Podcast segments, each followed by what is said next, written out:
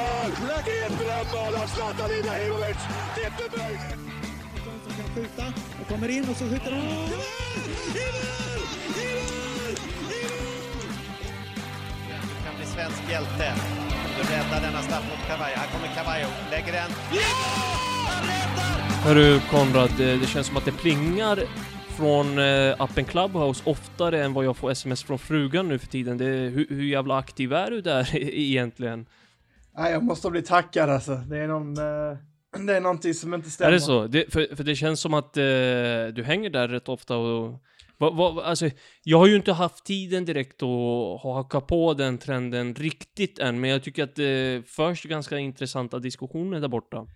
Jo men absolut, vi har ju Champions League-rum och sen har vi Fantasy Allsvenskan-rum och sen så kan det ju hända att man vill eh, prata om lite mer eh, mindre, eller mindre viktiga grejer också. Ja, men det. Som till exempel livet och kärlek. är det lite lössnack, eh, lite allt möjligt eller? Ja men exakt, nej men jag vet inte, det är lite synd att, att, att, eh, att, att din mobil ska brinna på det sättet. Så jävla eh, irriterande. Jag, jag tycker det är skönt. Idag så satt jag och jobbade lite och så, så har man det i bakgrunden och så ser man bara någonting, lite det här och Men där. lite som en livepodd antar jag, att man eh, bara kan slå på den medan man sitter och jobbar och, och lite sånt. Ja precis, och det här är ett betalt samarbete med Clubhouse. Exakt. Eh, En fin app. eh, eh, Nej men det är en fin idé och jag har sett att du har hittat dit. Inte minst för att eh, det är allsvenskan och först och främst så ska vi innan vi går in på det hälsa er hjärtligt varmt välkomna till Bruttotruppen. Det här är avsnitt 6 där vi ska Ja men ett kort och intensivt avsnitt egentligen där vi pratar lite det aktuella på här sidan kort och rappt innan vi går in på damlandskamperna. Men vi ska också nämna det kort att eh, allsvenskan ska ha dragit igång och det pratar ni en del om där på Clubhouse har jag förstått. Absolut, men, men vi ska inte glömma bort att vi, du och jag kommer ju köra Clubhouse eh, också om landslaget eh, när vi har tid till Definitivt, det. så att, eh, småningom.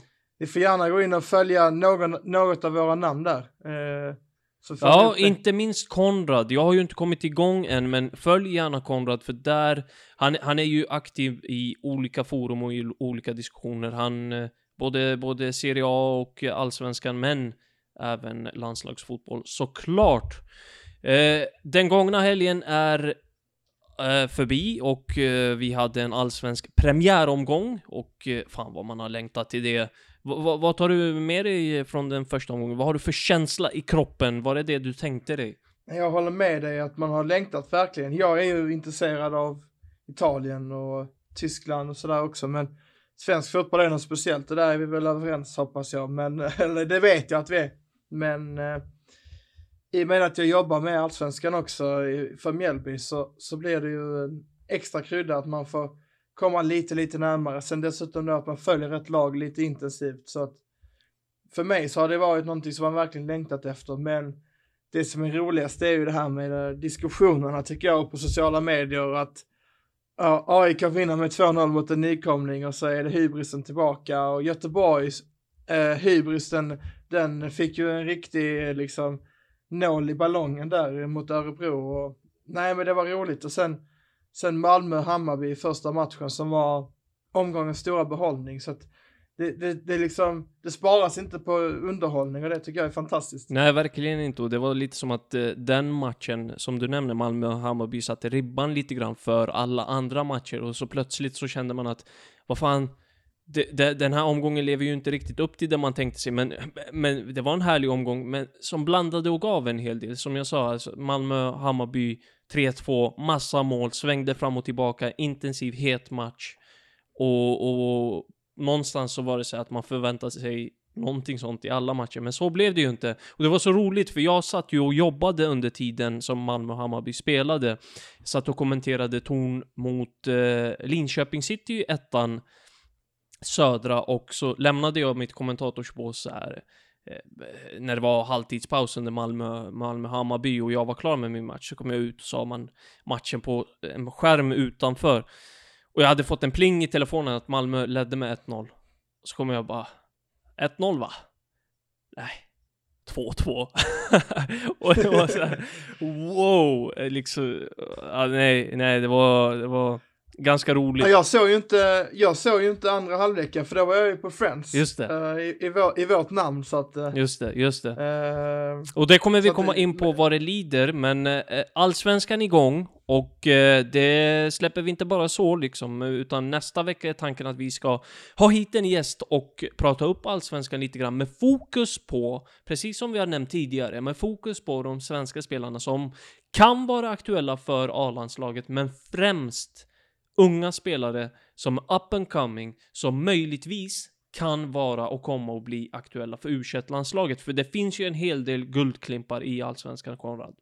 nej men absolut, vi har väl skrivit ner så mycket som, det här kan jag väl faktiskt spoila, men vi har skrivit ner så mycket som 55 olika namn till U21 som kan vara aktuella till U21 från allsvenskan. Ja, och kan vara Och, aktuella eh, är är ju inte, alltså då är det ju inte ristat i sten att vi tror och tänker att de kommer vara det, utan det här är spelare som på ett eller annat sätt har utmärkt sig tidigare, eller som är unga och ja, men, talangfulla. Vi har ju en hel del spelare som har tagit steget upp från ettan-divisionerna upp till allsvenska, ja, med de allsvenska lagen, och sådana spelare som Båda har gjort det bra i ettan, men som... eh, Alltså i tidigare säsonger så kanske allsvenska klubbar inte hade hämtat lika många spelare från ettan med tanke på att eh, ja, men, ekonomin hade varit bättre, men nu har det ju varit eh, coronapandemi och allt vad det inne, har inneburit så har man ju handlat mer ur de lägre divisionerna, så håll ett öga på de yngre spelarna, säger vi. Det är ett bra budskap det. Jag tänker att vi hoppar in och kör på eh, europeisk fotboll direkt och vi tar eh, här fotboll tänker jag. Eh, vad, det, har, det har inte varit en jätteintensiv och härlig helg på samma sätt som det har varit de gångna veckorna. Vi hade ju en ganska kall helg även förra helgen. Men, men är det något speciellt som du bär med dig här eh, från den gångna helgen? Jag vet inte just helgen, men, men i torsdags var det ju väldigt trevligt att Anthony Elanga, eh, Josef Elangas son, faktiskt var med i Manchester Uniteds matchtrupp. Eh, annars så, jag vet inte riktigt. Eh, det var ingenting som fastnade på mig sådär. Vad tycker du? Zlatan, absolut ju, såklart. Mm, jag tänker att vi spar Zlatan för där finns en hel del att säga. Eh, men, eh, nej men samma för mig. Det var väl, eh, det är ju inte i helgen som du säger, men, men det är väl Elanga man tar med sig. Kul för honom att han får, får vara med i truppen på det sättet, även om det var lite andra, även om han är en juvel i sig så var det ju andra juveler som var i centrum i den matchen. Det var ju där, där en naken man sprang in på plan eh, som hade befunnit sig innanför katakomberna på arenan och gömt sig i 14 timmar. Ett jävla pannben på den killen. Eh, Jo, just det, ang angående just den matchen, du får inte glömma Victor Lindelöfs assist, för det var ju någonting ur den eh, högsta hyllan. mm, definitivt. eh, och alltid kul när en mittback får använda, som just Vigge får använda sina spelande fötter. Eh, kul för honom. Ja. Nej men absolut, och det påminner ju lite om eh, Andreas Granqvists mål mot eh, Mjällby i träningsmatch för några veckor sedan. Eller assist. Ja, det var till Wilhelm Löper, var det inte det? Ja, precis. Ja. Och han löpte också väldigt bra, väldigt ironiskt nog. Så att, eh, Ja. Nej, det var en Eh. snygg där, en snygg passning. Eh, mer från helgen. Egentligen så är det att två spelare, eh, man kan, det är väl inte att Isak studsar tillbaka, men Dejan Kulusevski studsade tillbaka. Och eh, vi var lite hårda mot honom här förra veckan och det var inte bara vi som var hårda utan svensk media var hårda. Italiensk media har varit hårda mot honom. Och han gjorde mål i eh, Juventus 3-1-seger mot Genoa. Eh, och var, jag tror att han enligt Gazzetta dello Sport blev matchens lirare också. Och så hittade ju Isak in i målprotokollet eh, och han är nu uppe i en handfull kassar och eh, nosar där uppe i skyt- skytteligatoppen i La Liga. Vad, vad säger du om deras ja, insatser? absolut. Eh, när det gäller just eh, Sociedad så, när de inte har Isak eller när Isak eh, inte presterar så har de ju stora problem med eh, att avsluta. För att de andra spelarna är väldigt, väldigt duktiga runt omkring som Porto och Jasapal.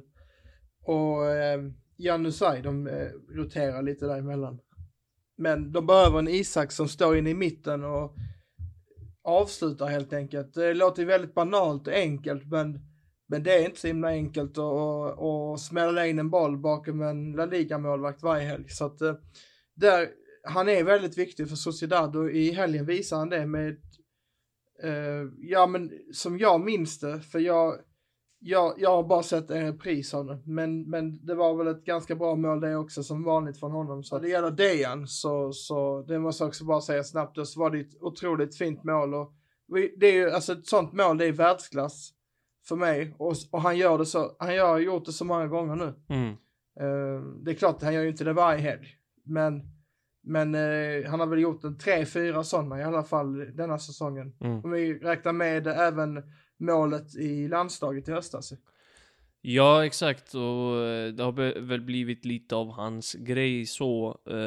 och nej, men man gläds åt att uh, Dejan Kulusevski, som på tal om pannben och lite sånt, eh, är en spelare som verkar ha det pannbenet att studsa tillbaka från motgångar. Så jag tror väldigt mycket på Dejan, även om han har haft en tuff tid här nu eh, under våren.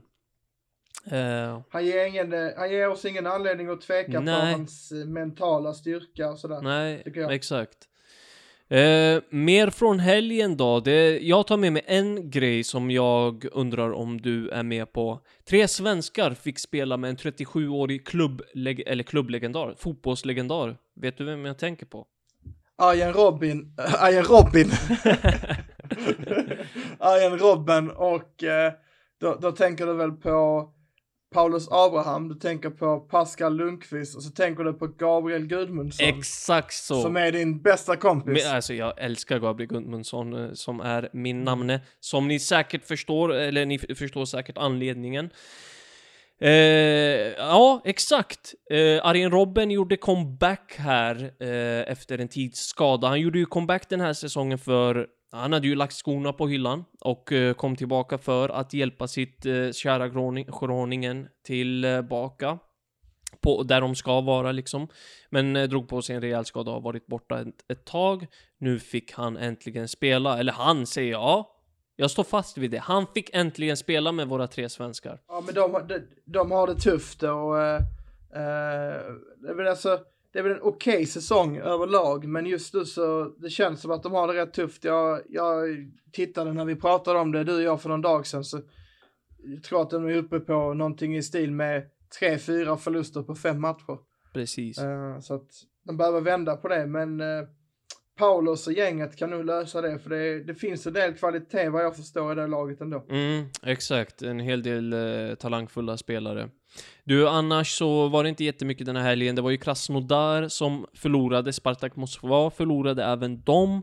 Och så kan vi bara nämna det i förbifarten att Mattias Svanbergs Bologna också förlorade. Eh, blev inte jättemycket speltid för Kristoffer Olsson i Krasnodar. Marcus Berg startade och lite så. Eh, Jordan Larsson, inget mål där. Eh, konstigt som, som, som vi har varit inne på tidigare med tanke på att det har blivit lite av en vana att se honom i målprotokollet. Eh, om inte du har någonting mer på herrsidan så tänker jag att vi går vidare. Jag tänker faktiskt på att vi, vi kan nämna det här med Mattias Svanbergs match faktiskt. Det är bara eh, lite kort här att eh, han gjorde väl kanske inte eh, sin allra bästa match, men Bologna sköt tio skott och, och, och det blev noll i mål. Det var väldigt bra lägen.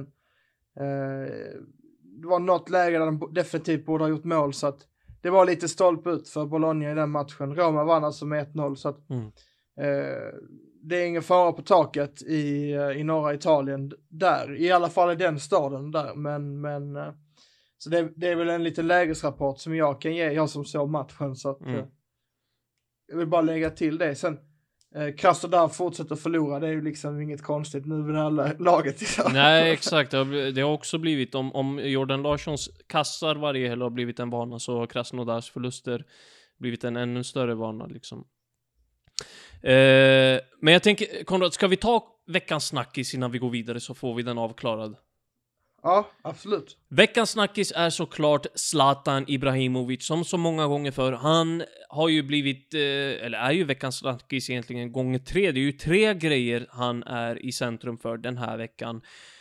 Först och främst så har, åkte han ju på ett rött kort här i helgen när Milan eh, drabbades samman med Parma eh, och enligt uppgifter så var det att han skulle ha kallat domaren för ett och annat. Men det har, det har ju visat sig senare att så var, så var det inte alls. Utan eh, han ska ha sagt saker med attityd som domaren inte har uppskattat och eh, därmed står det röda kortet kvar. Det andra är att eh, Zlatan har befunnit sig på en restaurang i Milano för att eh, prata business eller något sånt med någon eh, annan part och eh, det får man ju inte göra i norra Italien utan det är ju totalförbjudet eh, med sånt under de här restriktionerna under den här pandemin. Och den tredje grejen är ju det att som kanske är allra störst att Zlatan kan bli avstängd från fotbollen alternativt åka på stora böter för att han har spelat Eh, trots att han har andelar i ett spelbolag. Det, för att han har dragit på sig landslagströjan, visst är det så Konrad? Ja, precis. Eh, Han äger 10% i bettingbolaget Bethard. Och eh, enligt uppgifter ska det kunna göra att han blir avstängd eller får betala böter.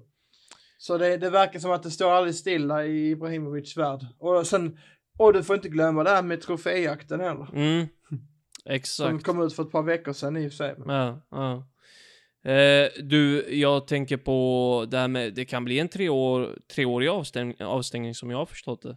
Ja, precis, men det är, jag tror inte de vill göra det för att det är Zlatan tror jag att de kommer att se lite mer mellan fingrarna. Inte för att Zlatan är Zlatan för att, utan snarare för att Zlatan är så himla viktig för fotbollen i, i Europa och världen så tror jag att de kommer säkert att nöja sig med att ta lite av hans eh, oändliga rikedom istället. Just det, just det. Eh, jag tänker att vi släpper här fotbollen där och dyker in i de senaste damlandskamperna. Och det har ju spelats två landskamper, Konrad. Det har ju spelats en mot USA på hemmaplan, där jag tänker att vi börjar och där du befann dig på plats för brutto, bruttotruppens räkning och svenska fans räkning såklart. Eh, vad är, bara direkt så här en kort summering, vad var dina tankar efter den matchen? Jag tyckte att Sverige i de flesta momenten gjorde en väldigt bra match och eh, det var lite slarvigt i början och mycket felpassningar och sådär men när man fick ordning på det där så tyckte jag att eh, faktiskt Sverige spelade bättre än USA över 90 minuter och eh, det som man kan säga då om USA det är att de inte startar med alla sina bästa utan att de bytte lite mellan dem. Så att eh, det är väl det som de har som sin ursäkt men USA visade inga mästartakter mer än att vissa spelare ser väldigt tekniskt skickliga ut som, som de är såklart. Men, men det kan vi gå in lite närmare på sen. Men, men jag tycker Sverige gjorde en insats som man inte, inte riktigt såg framför sig. Eller jag gjorde inte det i alla fall. Jag såg att du twittrade där precis innan avspark att det var en väntad elva eh, enligt dig. Eh, var det verkligen det? Ja, alltså. Kanske inte riktigt eh, formationsmässigt. En back mer än vad jag hade tänkt mig. Då hade jag kanske trott att Nilla Fischer hade fått sitta på bänken då. Och att de skulle sätta in en mittfältare till. Mm. Men utöver det så tycker jag väl att det är ganska så väntat. Eller? Ja, eh, det var lite det jag tänkte på faktiskt. Jag blev ganska förvånad över en trebackslinje och att eh, ja, men man körde med wingbacks och det visade ju sig vara väldigt bra med Fischer, Sembrant och Eriksson där bak. Eh, och allt sånt, eh, inget emot det liksom så. Eh, varför inte testa? Eh, sen att man vågar göra det mot USA av alla lag, det, det, det är ju en annan femma och det är väl, det visar väl på fingertoppskänsla från Peter Gerhardsson. Eh, sen så var det en anfallstrio som jag gillade. Eh, och eh, ja men kul att Sverige visar än en gång att man kan stå upp och inte bara stå upp eh, utan nästan ta eh, en seger mot sådana här motstånd som USA som rankas som världens absolut bästa. Nej men absolut. Eh, någonstans så, så handlar det ju om att USA USA har ju den här rutinen också som vi har pratat om. Det är många VM-guld i den truppen.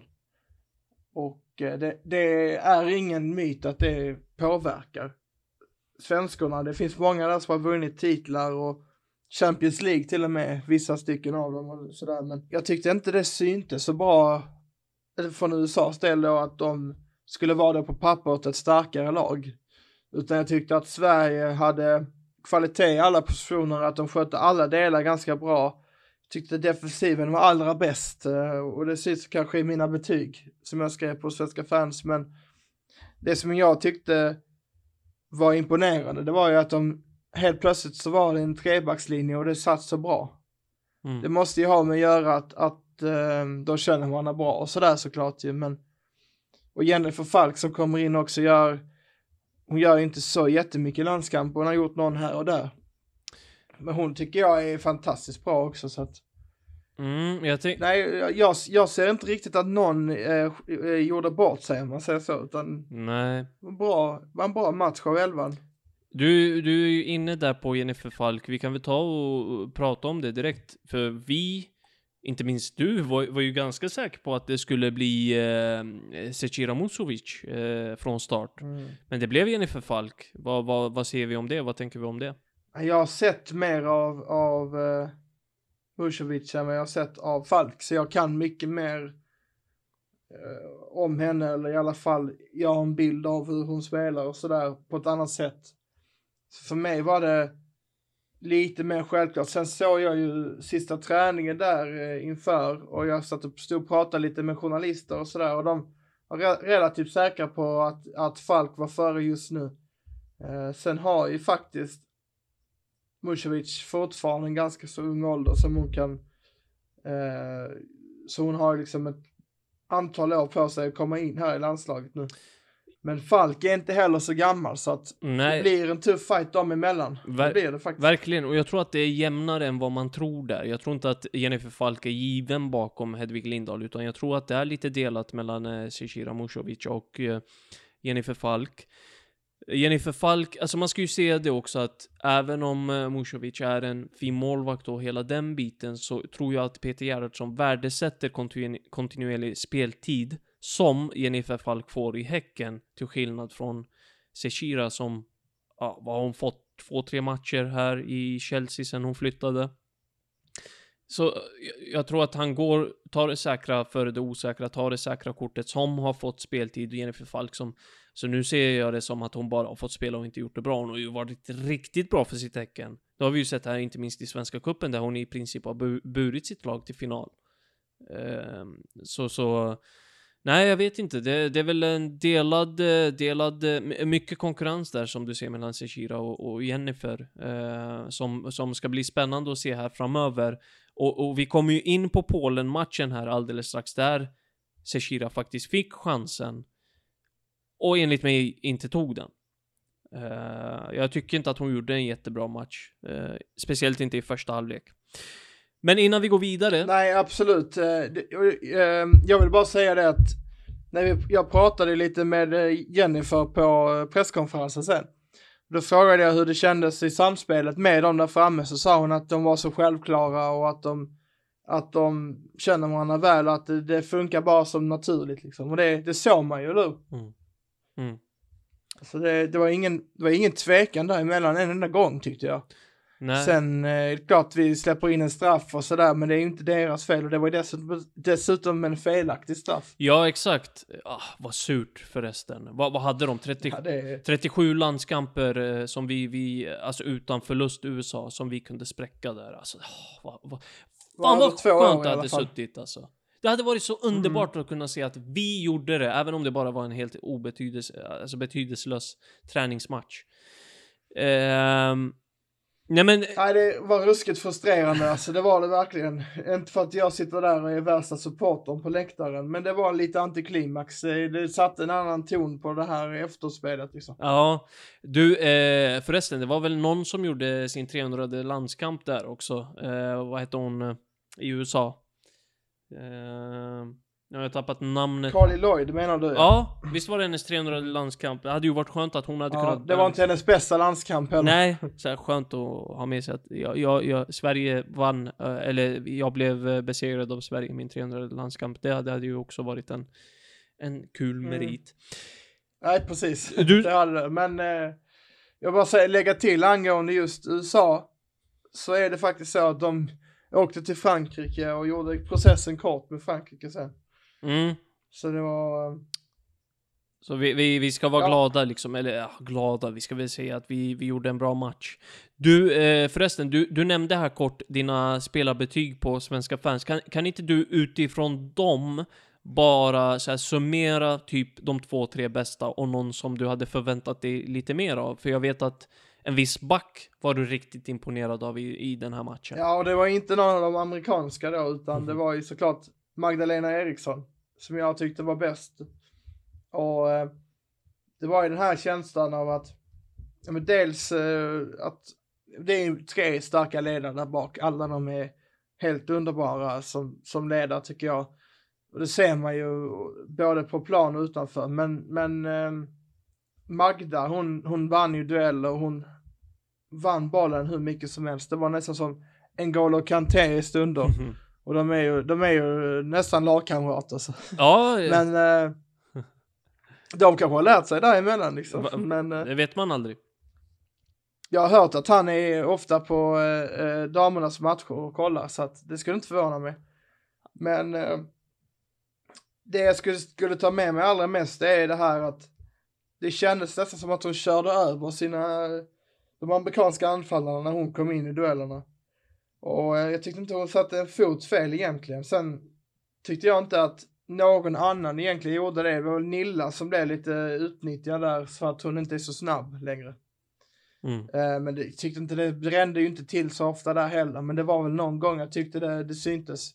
Så att jag tycker, utan att ha spelarbetygen framför mig, så tycker jag nog i efterhand nu när jag har fått smälta saken, tyckte jag nog att Magda var bäst, att Caroline Seger var en av de bättre också och att, att eh, Lina Hurtig får också en liten pallplats här av mig. Och det, vi, vi kommer ju aldrig sluta prata om den, om den eh, spelaren, så är det ju. Nej, det ska man definitivt inte göra. Jag menar Lina Hurtig som hittade in eh, i nät, eller ja, i målprotokollet igen ska sägas. För det känns som att hon inte slutar göra poäng just nu. Eh, Vi behöver inte säga det på den längre, vi bara säger ja. Förutom att Lina Hurtig har gjort mål. Så. ja, men lite så här att eh, ni, ni kan utgå ifrån att eh, hon har eh, på något sätt gjort poäng eller utmärkt sig eh, när vi pratar damfotboll, helt enkelt. Eh, nej men som du säger, Caroline Seger gör en bra match där i sin 212 landskamp. Helt jävla in på, alltså helt jävla otroligt vilka siffror. Och Mm ja, nej men en stabil insats. Det, Magdalena Eriksson var helt hänsynslös, gick in tufft i alla dueller och visade vem som bestämde. Eh, och struntade helt och hållet i vem som fanns på andra sidan och sånt gillar vi ju. Ett, ett där, tråkigt att man inte fick med sig en seger, men vi har ju också ytterligare en match att prata om Konrad, och det är den mot Polen som... Eh, ja... En, hel rote- en helroterad elva som eh, lämnade en del att önska i vissa sekvenser. Det Va? såg inte helt eh, välkalibrerat ut. Eh, lika, så alla, alla lagdelar var såg inte lika, säger man, eh, samspelta ut. Utan offensiven hade vi inte så mycket att klaga på, men, men eh, både liksom i, i kommunikationen mellan målvakt, försvar och, och mittfält tyckte jag att det, det saknades en hel del.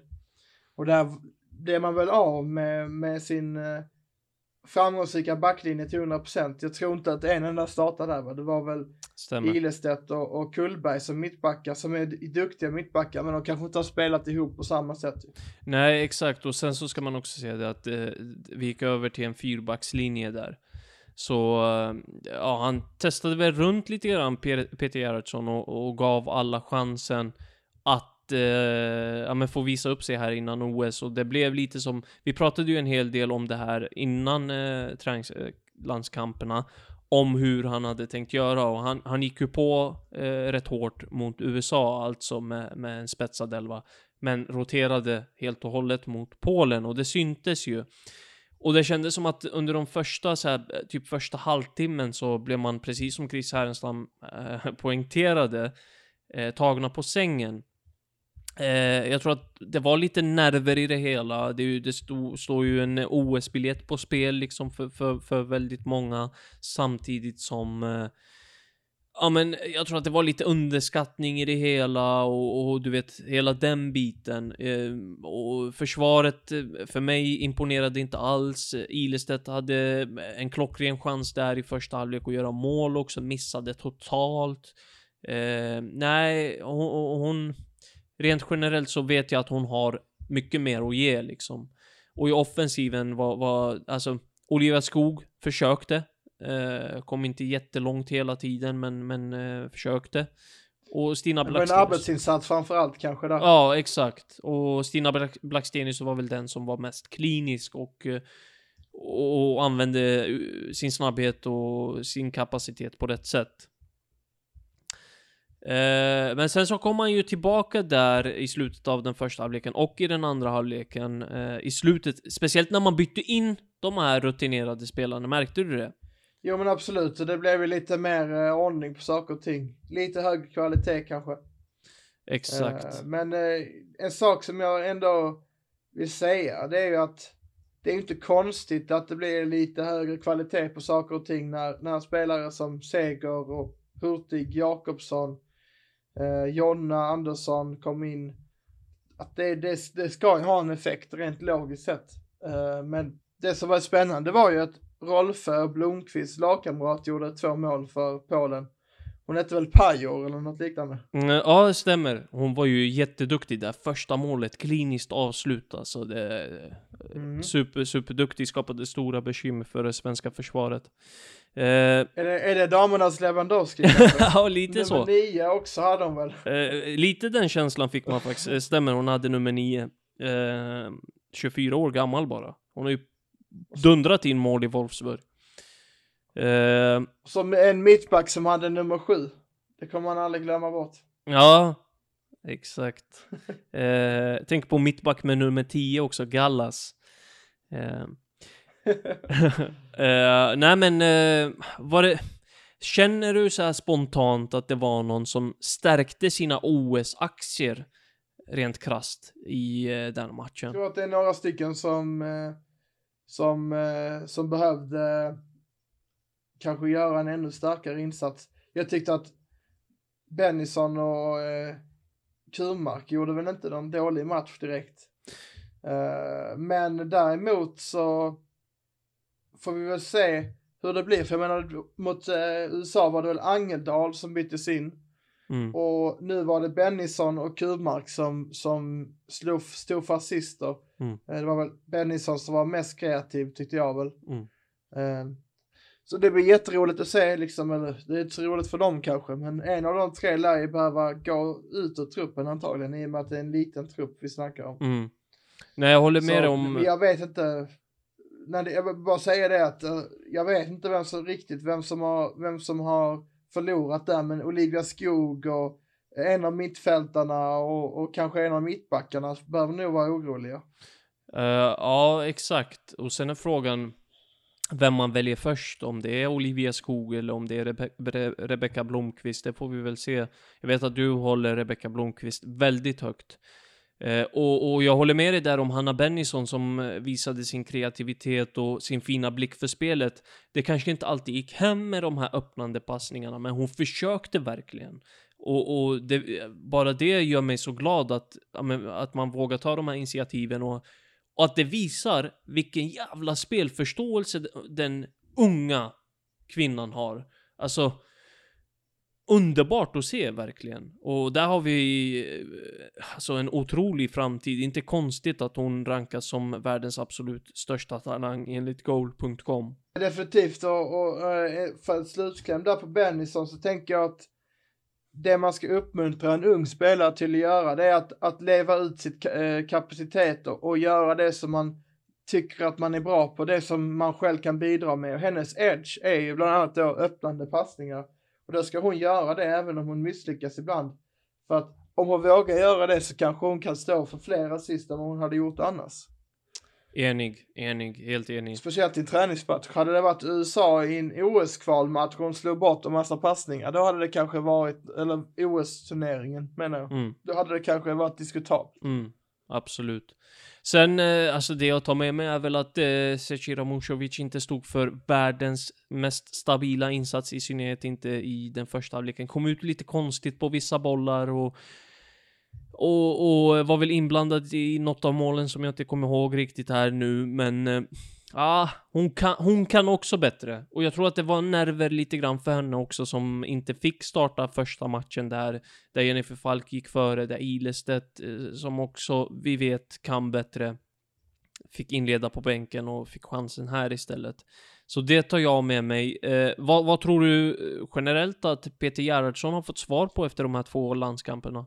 Jo, jag tror att han, han uh, nu vet vilken kärna han har, vilka spelare som håller den högsta nivån och vilka som kanske inte riktigt är där. Men samtidigt så är ju alla de här spelarna som är med är ju nyttiga truppspelare så att det blir ju tufft för honom. Han, SVFF kommer få dyrt nu med, med värktabletter. Först till Janne nu i maj. Och sen till Peter eh, framåt sommaren. Det kommer ju bli eh, jag vet inte, det är apotekboomen här i, i sommar alltså. ja. De kommer stå högst upp på, uh, vad heter det, Avanza, allting liksom. Verkligen, verkligen. Köp, köp nu innan det är för sent, allihopa. Alla lyssnare, köp nu innan det är för sent. Är det nu svarta marknaden jublar eller? Ja. Nej, eh, jag håller med dig. Eh, det, vi har en spännande sommar här framför oss och vi ska väl säga det också att OS lottas den 21 eh, april redan. Så då har vi koll på var Sverige spelar sina matcher och mot vilka. Eh, och lottningen är 10.00 på onsdag den 24 april som sagt. Sänds på Fifas YouTube. 11.30 är också tanken att eh, ja, med, eh, förbundet ska hålla en presskonferens med Peter Gerhardsson som, eh, som ska, ja, är värd att följa helt enkelt. Med dem... Vi har fått eh, en liten nyhet nu eh, som jag måste ta upp innan vi avrundar här. Kör. Vi, kommer att vi har planerat in ett allsvenskt avsnitt till nästa vecka som eh, kommer att innehålla en väldigt, väldigt bra gäst som, som kommer ha mycket att säga om det här och eh, då kommer vi att ta upp U21 eh, spelare, A-landslags aktuella spelare från allsvenskan. Vi kommer inte gå igenom vem som vinner guld, vem som åker ur, utan vi kommer att fokusera på våra landslag som är lite grann av vår edge då, som vi tycker då att vi har.